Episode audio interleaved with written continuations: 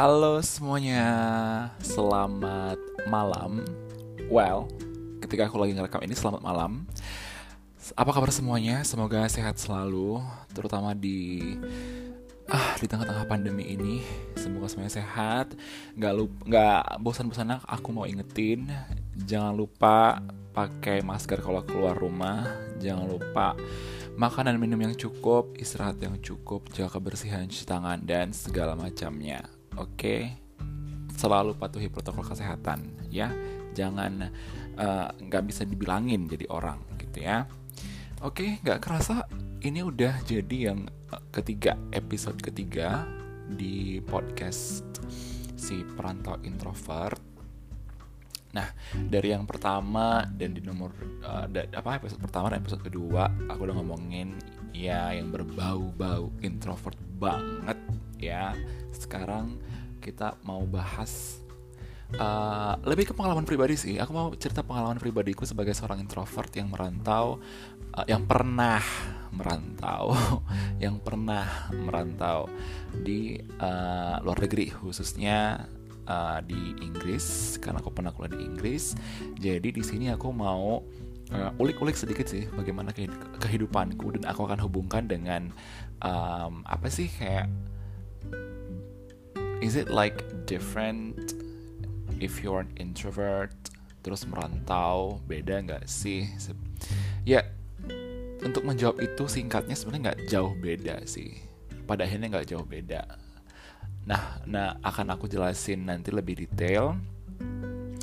Um, jadi untuk topiknya ya masalah apa? Kayak survival guide lah intinya. Survival guide untuk anak-anak introvert yang kuliah di luar negeri. Ya sebenarnya gini um, aku ini masih galau sebenarnya. Karena aku pernah aku di kota kecil dari kota kecil nih ya kan? Aku dari kota kecil.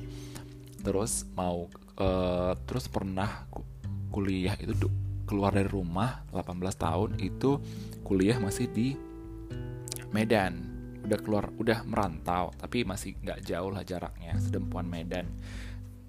Itu jaraknya nggak jauh. Baru itu baru ke UK lima tahun kemudian baru ke UK ke Inggris ya. Nah ini sih yang bikin galon aku mau bikin yang Inggris dulu apa yang Medan dulu. Tapi aku ngerasa kok yang uh, di Medan ntar-ntar deh. Soalnya itu kurang kurang ini sih sebenarnya. Kurang greget. Entah karena jarak juga. Maybe. Who knows? Oke okay, daripada banyak bacotan di awal yuk kita langsung aja uh, ulik-ulik soal survival guide introvert yang kuliah di luar negeri based on my personal experience. Yep. Oke. Okay. Yang pertama yang aku bahas adalah ini gak jauh beda. Ya akan akan sering aku apa sih istilahnya akan sering aku ulang-ulang di setiap episode gitu. Um, being an introvert doesn't mean you can't socialize atau kita nggak nggak jago bersosialisasi kita tuh pemalu enggak jadi kalau aku pribadi sebenarnya nggak ada yang terlalu berbeda ya. Paling uh, bagaimana perspektif kita untuk uh, apa bagaimana kita mengubah perspektif sih gitu aja sebenarnya. Nah soalnya gini ketika kita merantau itu kan kita benar-benar sendiri which is not a problem for us introvert right? Being alone bukan menjadi masalah buat kita karena 80 90 dan uh, ada yang mungkin 95% waktunya itu dia habisin sendirian. Jadi ketika merantau, tidak berada di dekat keluarga ataupun teman-teman terdekat, nggak masalah, nggak masalah. However, however, I have to, aku harus menekankan satu sih. Ketika kita di luar negeri, jangan tolong itu perspektif bahwa I can survive alone, I can survive by myself.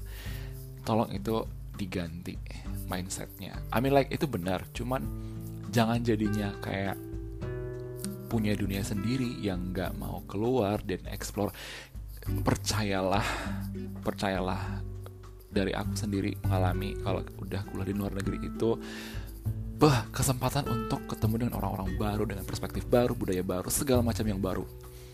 Itu harus dimanfaatkan sebaik-baiknya. Kesempatan untuk kuliah di luar negeri itu tidak datang uh, berkali-kali dalam hidup gitu.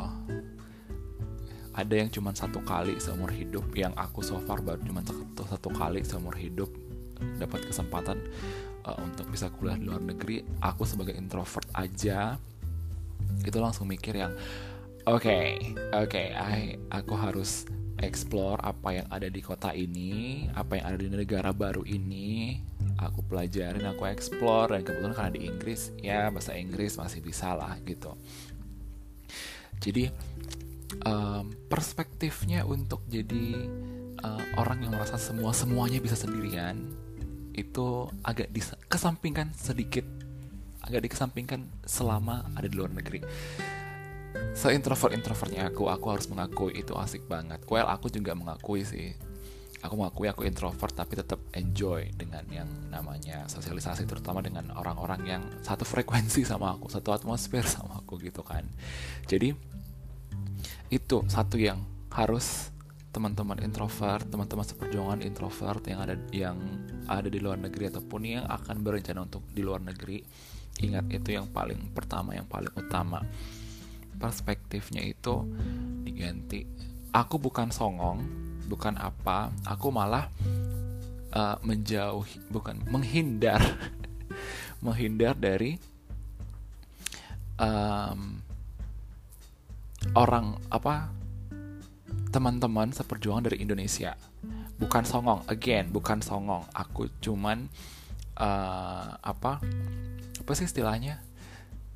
Jadi biar lebih internasional aja gitu. Biar lebih internasional gitu. Aku ada teman di Indonesia teman Indonesia di UK cuman uh, aku lebih sering sosialisasi dengan teman-teman dari ya sebenarnya sih gara-gara teman sekelas juga karena teman sekelas jadi lebih banyak berinteraksi dengan mereka. Yang habis kelas kita kadang ngerjain tugas bareng atau ke perpus bareng atau segala macamnya. Jadi memang lebih banyak interaksi sama mereka daripada teman-teman yang ada di eh, teman-teman Indonesia yang di UK waktu itu. Gitu. Itu seru banget seru terutama kalau kita udah diskusi segala macam mereka bawa perspektif dari negara mereka budaya mereka background mereka segala macam dan itu jangan disia-siakan jangan disia-siakan. Seperbanyaklah berteman, walaupun tidak akan menjadi temanmu seumur hidup, gitu kan. At least networking lah, gitu. Networking ya sekedar kenal, oh kamu dari sini ya, backgroundnya apa, gitu. Udah punya udah pengal, punya pengalaman kerja belum sebelumnya, gitu sebelum uh, S2 karena kebetulan kan di UK S2 dan tau lah kebanyakan orang-orang S2 nah, ada yang memutuskan untuk kerja dulu baru kuliah S2 kan? Gitu. Itu su, su, su, su, ah, seru seru seru lah pokoknya. Jadi jangan pernah um, jadi manusia yang asik sendiri di kamar. Ya itu nomor satu. Nah caranya sebenarnya sih uh, mudah. Yang aku seneng dari ya aku nggak bisa ngomong dari perspektif kampus lain. Cuman yang aku denger dan yang aku baca dan yang aku tonton di YouTube sih nggak bakal bakal nggak jauh beda. Jadi ini yang mau aku bilang. Uh, ikut student union. Kalau di kalau di kampus namanya student union. Jadi kayak uh, bem gitu. Eh bukan bem sih. Kayak klub. Ya jadi bukan klub. Jadi bem. Eh bukan klub. Bukan bem. Ya Allah. Jadi kayak klub gitu.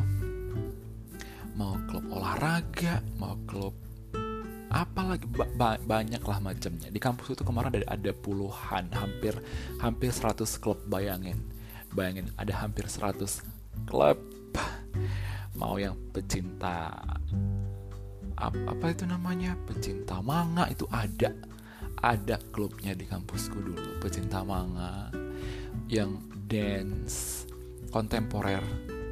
Ada yang dance salsa ada yang tango ada kalau kalian punya minat di situ, join dah. Join.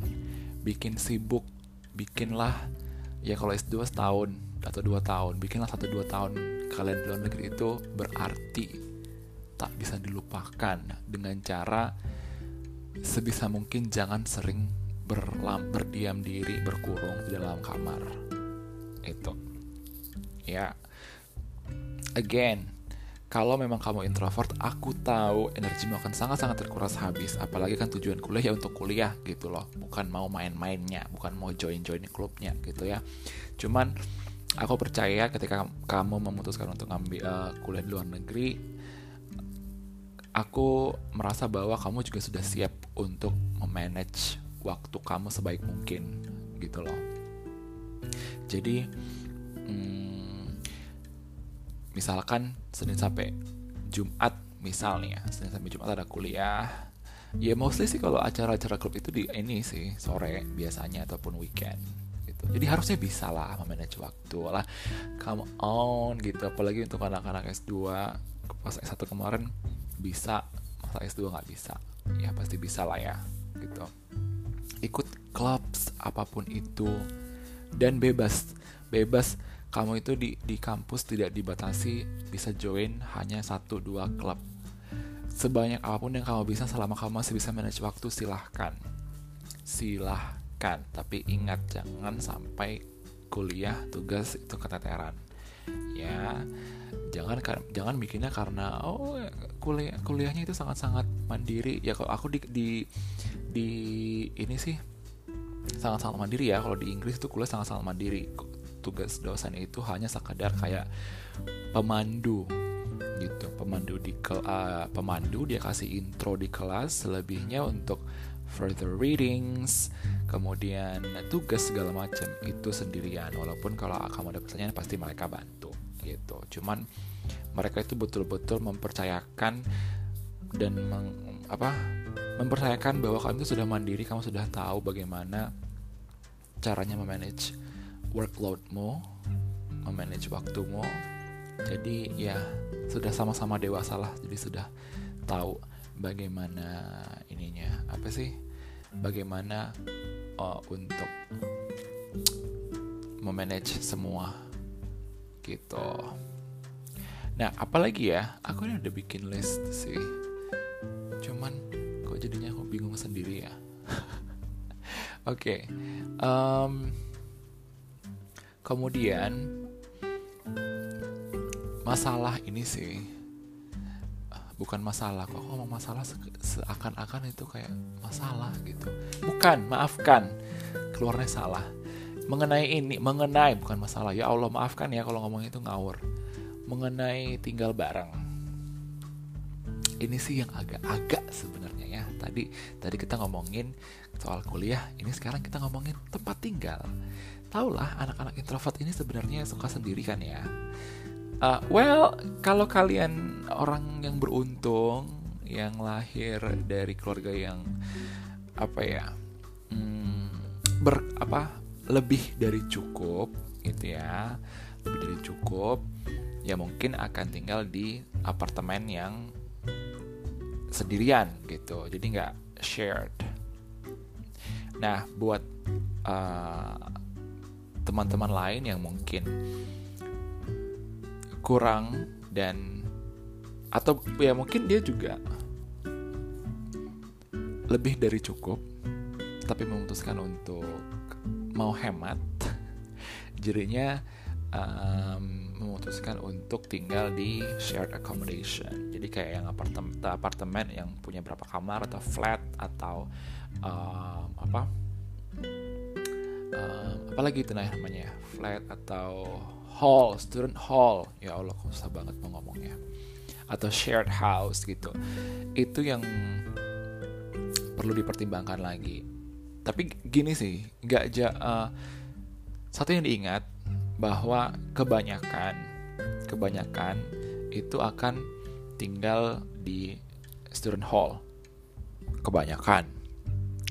Kayak aku kemarin tinggal di student hall, aku berbagi satu flat dengan tiga mahasiswa lain. Walaupun aku seringnya itu ketemu dua orang doang, yang satu emang bener-bener Tuhan kalau aku ingat itu, aku aku satu tahun tinggal di student hall, aku nggak pernah lihat wujudnya. kamar dia bener-bener di sebelah aku banget bener-bener di sebelah banget ya tapi kalau kalau dia misalkan teleponan aku kedengeran. Aku aku dengar dan aku tahu itu dia tapi nggak pernah lihat mukanya. Aku nggak pernah lihat mukanya. Aku hanya pernah ketemu dengan dua penghuni lain. Gitu. Um, waktu itu aku satu flat dengan uh, orang Singapura sama orang Inggris. Yang satunya lagi aku dengar dari orang Sing orang Singapura ini sih dia kulit hitam, tapi nggak tahu lah kan. Yang namanya orang kulit hitam bisa dari mana aja kan gitu loh. Nah, hmm, aku sebagai introvert nyaman-nyaman aja sih berbagi. Uh, entah karena sudah terbiasa sebelumnya di ini di karena kan sebelum ke UK aku juga udah ngekos duluan dan ngekosnya itu uh, shared juga jadi kayak udah terlatih untuk berbagi atap dengan orang lain gitu. Um, tapi mungkin bedanya karena kita di student hall ya. Sama-sama menghargai dalam artian oke okay, kita sama-sama uh, mahasiswa di sini jadi tolong jangan bikin keributan gitu. Karena kita ya sama-sama sadar lah sibuk kerjain tugas yang butuh ketenangan untuk ngerjainnya gitu. Aku sih kemarin itu nggak ada ini ya nggak ada apa sih namanya nggak nggak pernah ada masalah lah dengan tinggal bersama orang lain. Dan aku notabene seorang introvert yang butuh sendiri. Ya ya I mean walaupun kita sharing sharing flat kan tetap aja yang namanya kamar itu tetap sendirian kan ya memang ter kembali lagi tergantung apanya nih yang shared gitu. Banyak ma banyak macamnya sih student hall. Ada yang kamar mandi dalam ada yang kamar mandinya shared. Kalau aku kebetulan kemarin yang kamar mandi dalam tapi dapurnya berbagi gitu.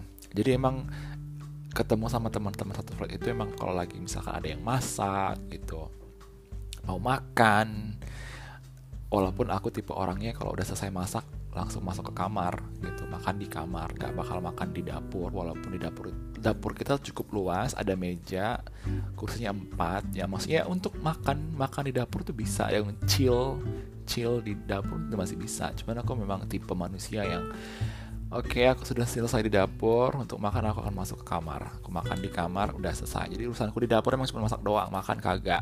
Makan bakal tetap di kamar gitu dan menghabiskan kegiatan-kegiatan lain di kamar gitu. Um, pernah sih ya namanya aku orang Indo ya kalau nggak pedes kalau tidak menggoyang lidah istilahnya nggak nggak sah gitu makanannya ya. Jadi kan memang kalau di sana itu masak sendiri emang selalu masak. Ya namanya aku yang bisa warteg makan di warteg ya di sana nggak ada warteg gimana gitu. Ya pada akhirnya memang harus makan ya kan? Pada akhirnya harus makan. Eh pada akhirnya harus makan ya? Iyalah makan. Pada akhirnya harus masak sendiri. Pada akhirnya harus masak sendiri. Jadi uh, pernah tuh ada skandal.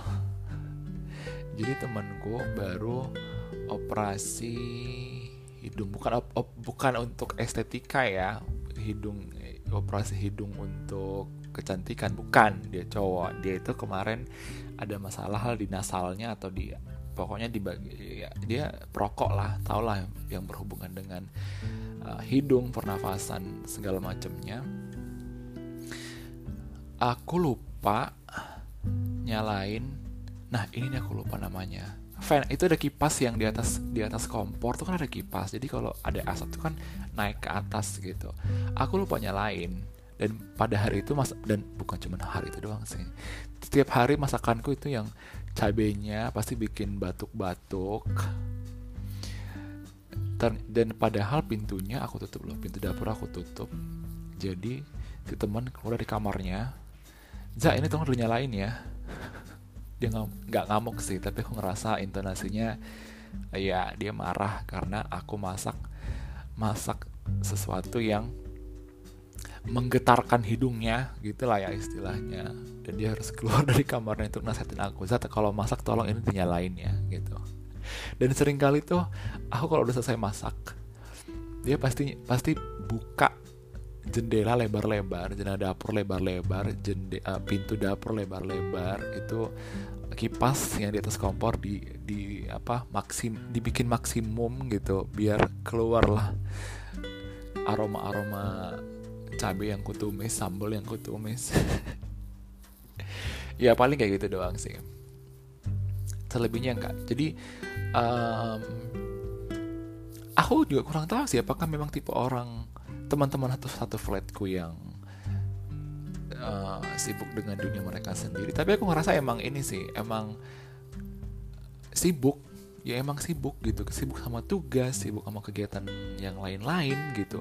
Jadi mau mingle juga harus direncanain jauh-jauh hari gitu. Nggak bisa yang on the spot eh kita ke sini nggak bisa gitu. Karena mereka itu udah udah udah pasti punya ini sih punya agenda yang mereka udah siapin sebelumnya. Jadi kalau mau misalkan mau nonton bareng yuk gitu atau dinner bareng yuk di sini misalnya gitu. Weekend ya gitu ya paling gitu sih. Jadi udah direncanain jauh-jauh hari. Karena pada sibuk pada tugas belum lagi kayak aku yang aku saranin tadi ikut ini ikut klub segala macam itu sangat-sangat menguras ini uh, menguras tenaga. Dan ngabisin waktu juga gitu loh. Nah itu dia. Kalau oh ya tadi kesimpulannya adalah uh, harusnya buat kita kita kita yang introvert sih nggak ada masalah ya untuk tinggal bersama dengan orang lain satu atap dengan orang lain. Karena uh, pada intinya kita akan sibuk dengan kegiatan kita kegiatan kita sendiri sibuk dengan tugas ataupun klub. Jadi uh, jarang sih. Jarang sih walaupun tinggal bareng itu kadang seminggu ketemu cuma sekali di dapur. Jadi dan dan nggak bakal ada inilah yang namanya privasi. Kecuali kecuali memang untung-untungan juga sih sebenarnya. Untung-untungan. Aku pernah ada dapat cerita dari temanku yang itu kan karena share dapur ya kulkas cuma satu saya satu dibagi empat gitu kan. Ada sih teman dari flat yang lain tuh kayak ngomong ke aku ih kamu beruntung ya za temen temen flatnya teman satu flatnya bersih gitu. Kita emang tuh emang bersih ya semua satu flat kita bersih. Itu dapur selalu bersih.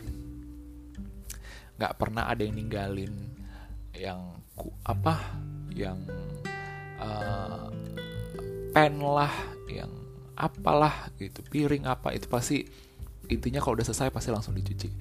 Temenku dia saat nggak ya sial lah ya dibilangnya satu flat sama orang yang cuek jorok yang kalau udah selesai makan itu ditinggalin di situ yang kapan dia ingat di situ dia cuci gitu kan. Belum lagi kadang uh, bahan-bahan dapurnya ataupun ataupun makanannya dipakai sama salah satu temen flatnya gitu yang susunya lah habis padahal baru beli. Eh udah tinggal berapa liter lagi kan gitu.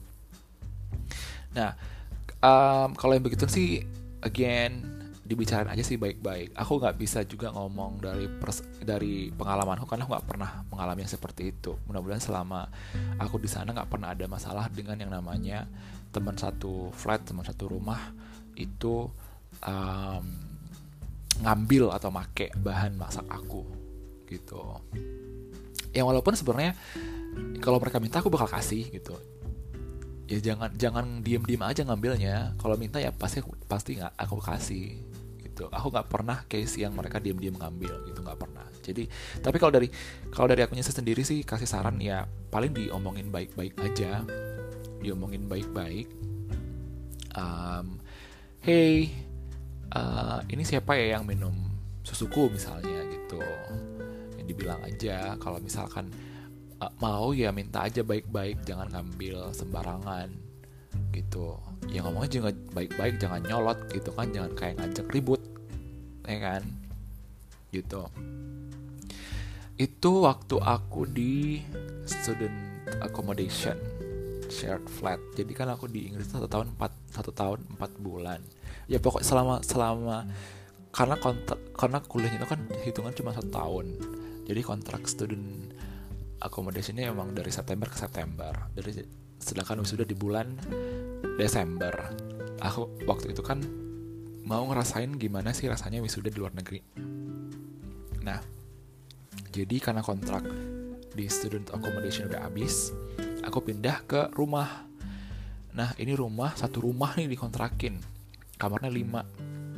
Aku satu aku sama teman-teman sekelasku kita putusin untuk tinggal bareng sambil nunggu wisuda gitu. Wisuda di bulan Desember gitu. Karena yang teman-teman yang lain juga pengen ngerasain kan gimana rasanya wisuda luar negeri gitu. Dan kebetulan memang teman-temanku ini nggak ada yang orang Indo juga sebenarnya dari dari negara yang lain dari negara-negara selain Indonesia gitu.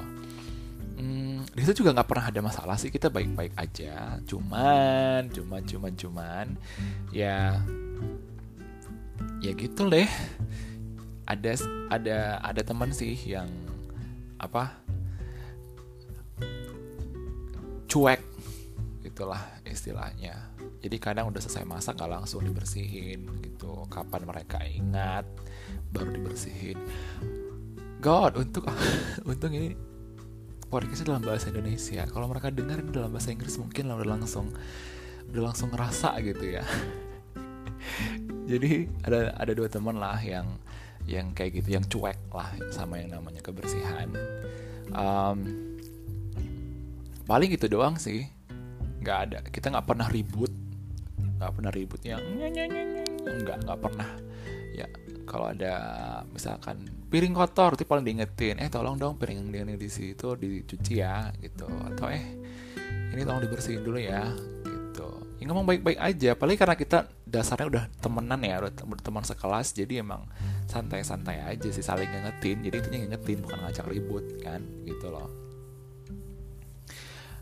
Oke tadi nomor satu aku coba ini dulu ya recap sedikit. Daripada nanti ngawur ke mana-mana obrolan kita ya. Yang pertama tadi ya as an introvert cobalah perspektif untuk melakukan semua muanya sendiri tidak melibatkan orang lain itu diganti coba menyibukkan diri networking ikut klub segala macam yang kedua masalah akomodasi. Nggak akan masalah tenanglah tenang. Kalau merasa privasi yang lama privasi terganggu tidak. Aku aku bisa jamin privasi kalian sebagai seorang introvert itu nggak bakal diganggu lah sama teman-teman satu flat satu rumah. Ya akan ada yang namanya seperti itu oh ya terus aku mau ngomong soal um, ini sih. Karena kebetulan aku part time di sana. Aku kerja part time juga di salah satu restoran di sana sebagai uh, waiter. Nah ini juga aku bilang salah satu cara yang apa ya cara yang seru sih gitu aku bilang untuk keluar dari zona nyaman introvert gitu.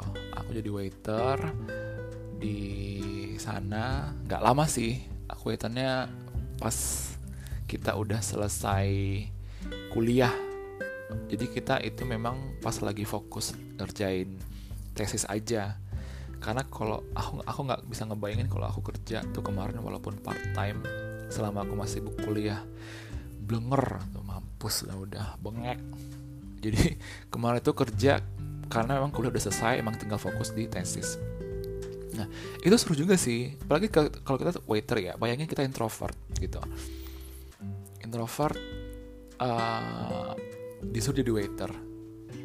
Ingat kan introvert bersosialisasi ber apa bersosialisasi dengan orang itu mengurangi mengurangi energinya. Jadi itu emang cepet banget. Kadang itu aku kerja cuman berapa ya kerja 4-5 jam sehari. 3 sampai 5 jam lah sehari kira-kira ya. 3 sampai 5 jam sehari pulang-pulang itu capek bukan tapi bukan capek fisik gitu. Capek anak introvert capek karena mental energinya habis. Ya namanya waiter pasti berhubungan dengan ini ya berhubungan dengan uh, customer gitu. Belum lagi kalau kita misalkan ada customer yang customer yang apa komplain dan segala macam dan kita juga harus bisa menghandle situasi dengan baik gitu.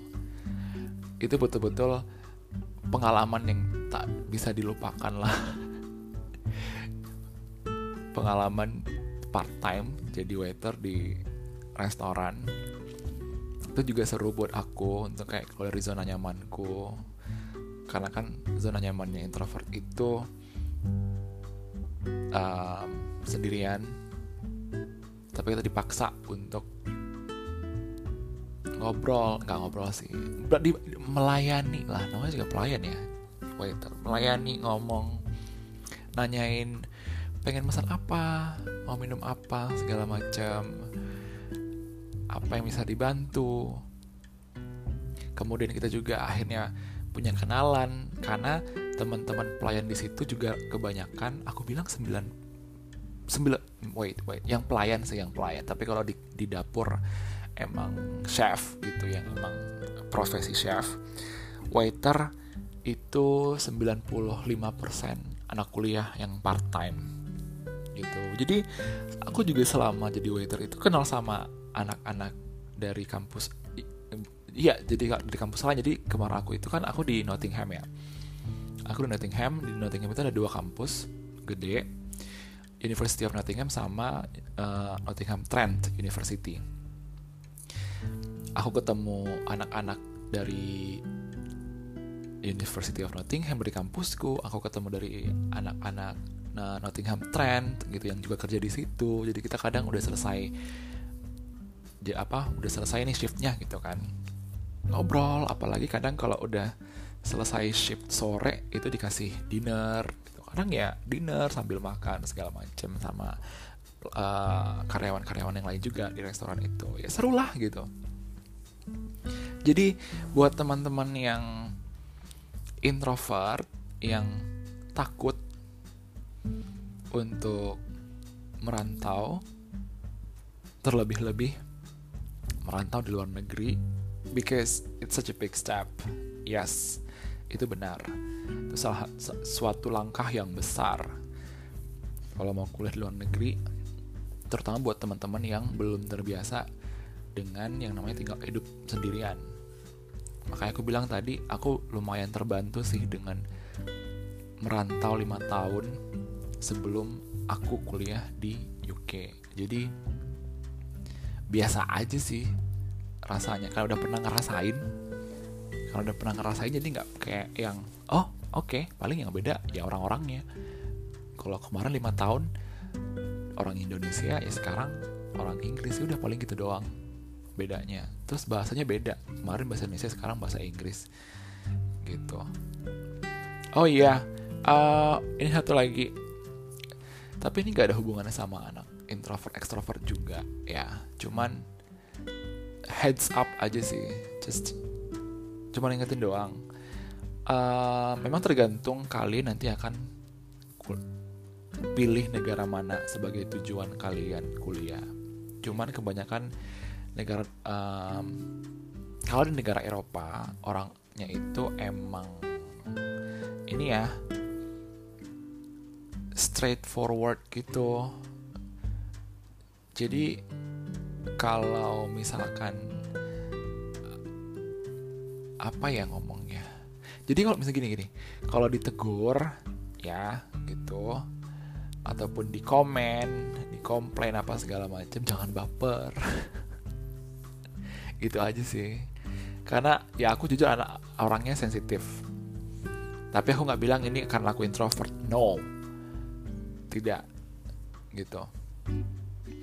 Tapi buat teman-teman udahlah introvert sensitif lagi. Ya cobalah menganggap itu sebagai suatu kejujuran yang dari yang daripada kalau kalian dia ada masalah sama kalian di endap-endap terus diomongin di belakang tapi kan lebih bagus untuk diomongin di depan kalian langsung gitu. Dia ada ada masalah sama kalian. Kayak aku kemarin itu aku jujur kemarin agak agak sensi sih agak sensi juga ketika temanku yang lagi ada masalah sama hidungnya itu komplain mengenai um, masakanku gitu kan. Cuman again ya ya memang salahku gitu kan. Masa udah masakannya kayak gitu kipas yang di atas kompor nggak dinyalain. Gitu kan. Ya gitu aja sih. Terbiasalah dengan orang-orang yang yang belak-belakan gitu. Apa yang mereka rasa apa yang mereka pikir akan mereka keluarin. Unek-uneknya dikeluarin ke kalian. Dan jangan diambil hati aja sih. Don't take it personally jangan diambil hati anggap aja oke okay, they're being honest and just appreciate it. Hargai aja kejujuran dari mereka setidaknya dia nggak setidaknya dia langsung ngomong ke kalian gitu kan. Nggak ngomong di belakang gitu. Ya itu sih jangan baper jangan baper. Kalau udah sama udah dikomplain di apa sih bah, eh bahasa gaulnya apa sih itu namanya? Aku coba ingat-ingat. Dilabrak. Dilabrak. Dilabrak sama orang-orang dari terutama dari negara-negara Eropa ya karena emang tipenya begitu. Walaupun nggak semua sih walaupun nggak semua. Oke okay. um, untuk episode kali ini kayaknya cukup dulu nanti kalau ada lagi yang seru-seru mengenai kuliah di luar negeri akan aku bikin satu episode ekstra ataupun ini nih yang aku aku udah cek ternyata dari Anchor itu dan apa layanan podcast memang gak ada nyediain kayak kolom komentar gitu tapi kalau kalian lihat ada di komen aja ya nggak nggak ada. Jadi kalau misalkan ada saran segala macem aku nggak tahu teman-teman pendengar mau dengerin apa topik selanjutnya gitu. Tapi aku nanti coba ini lagi sih. Aku coba cari-cari lagi maybe who knows. Um, jadi untuk episode ini cukup sekian. Untuk episode selanjutnya oke okay, sorry hampir lupa. Jadi selama mungkin selama selama pandemi ini kan aku punya banyak lebih banyak waktu gitu. Untuk podcast itu akan aku rilis setiap Senin sama Kamis. Udah kayak puasa ya bu ya. Puasa sunnah Senin Kamis. Puasa, puasa Senin sama Kamis um, sekitar jam 6 6 sore ya di atas jam 6 lah 6 atau ya 6 ke atas. Jadi dua kali seminggu. Tapi who knows nanti kalau udah uh, pandeminya berakhir atau segala macam sepertinya akan sibuk dengan pekerjaan dan yang lain. Hanya satu kali seminggu aja. Cuman ini lagi punya banyak waktu. Kalian bisa expect two episodes dalam seminggu. Gitu oke deh. Tak bosan-bosannya aku mau ingetin kalian teman-teman semuanya jaga kesehatan ikuti protokol kesehatan pakai masker kalau keluar rumah jangan lupa sering-sering cuci tangan makan minum dan tidur yang cukup. Stay safe. Stay apalagi ya? Stay safe stay healthy stay apalah yang kalian mau yang penting sehat selalu semuanya ya? Okay, I'll see you guys the next episode. Bye bye.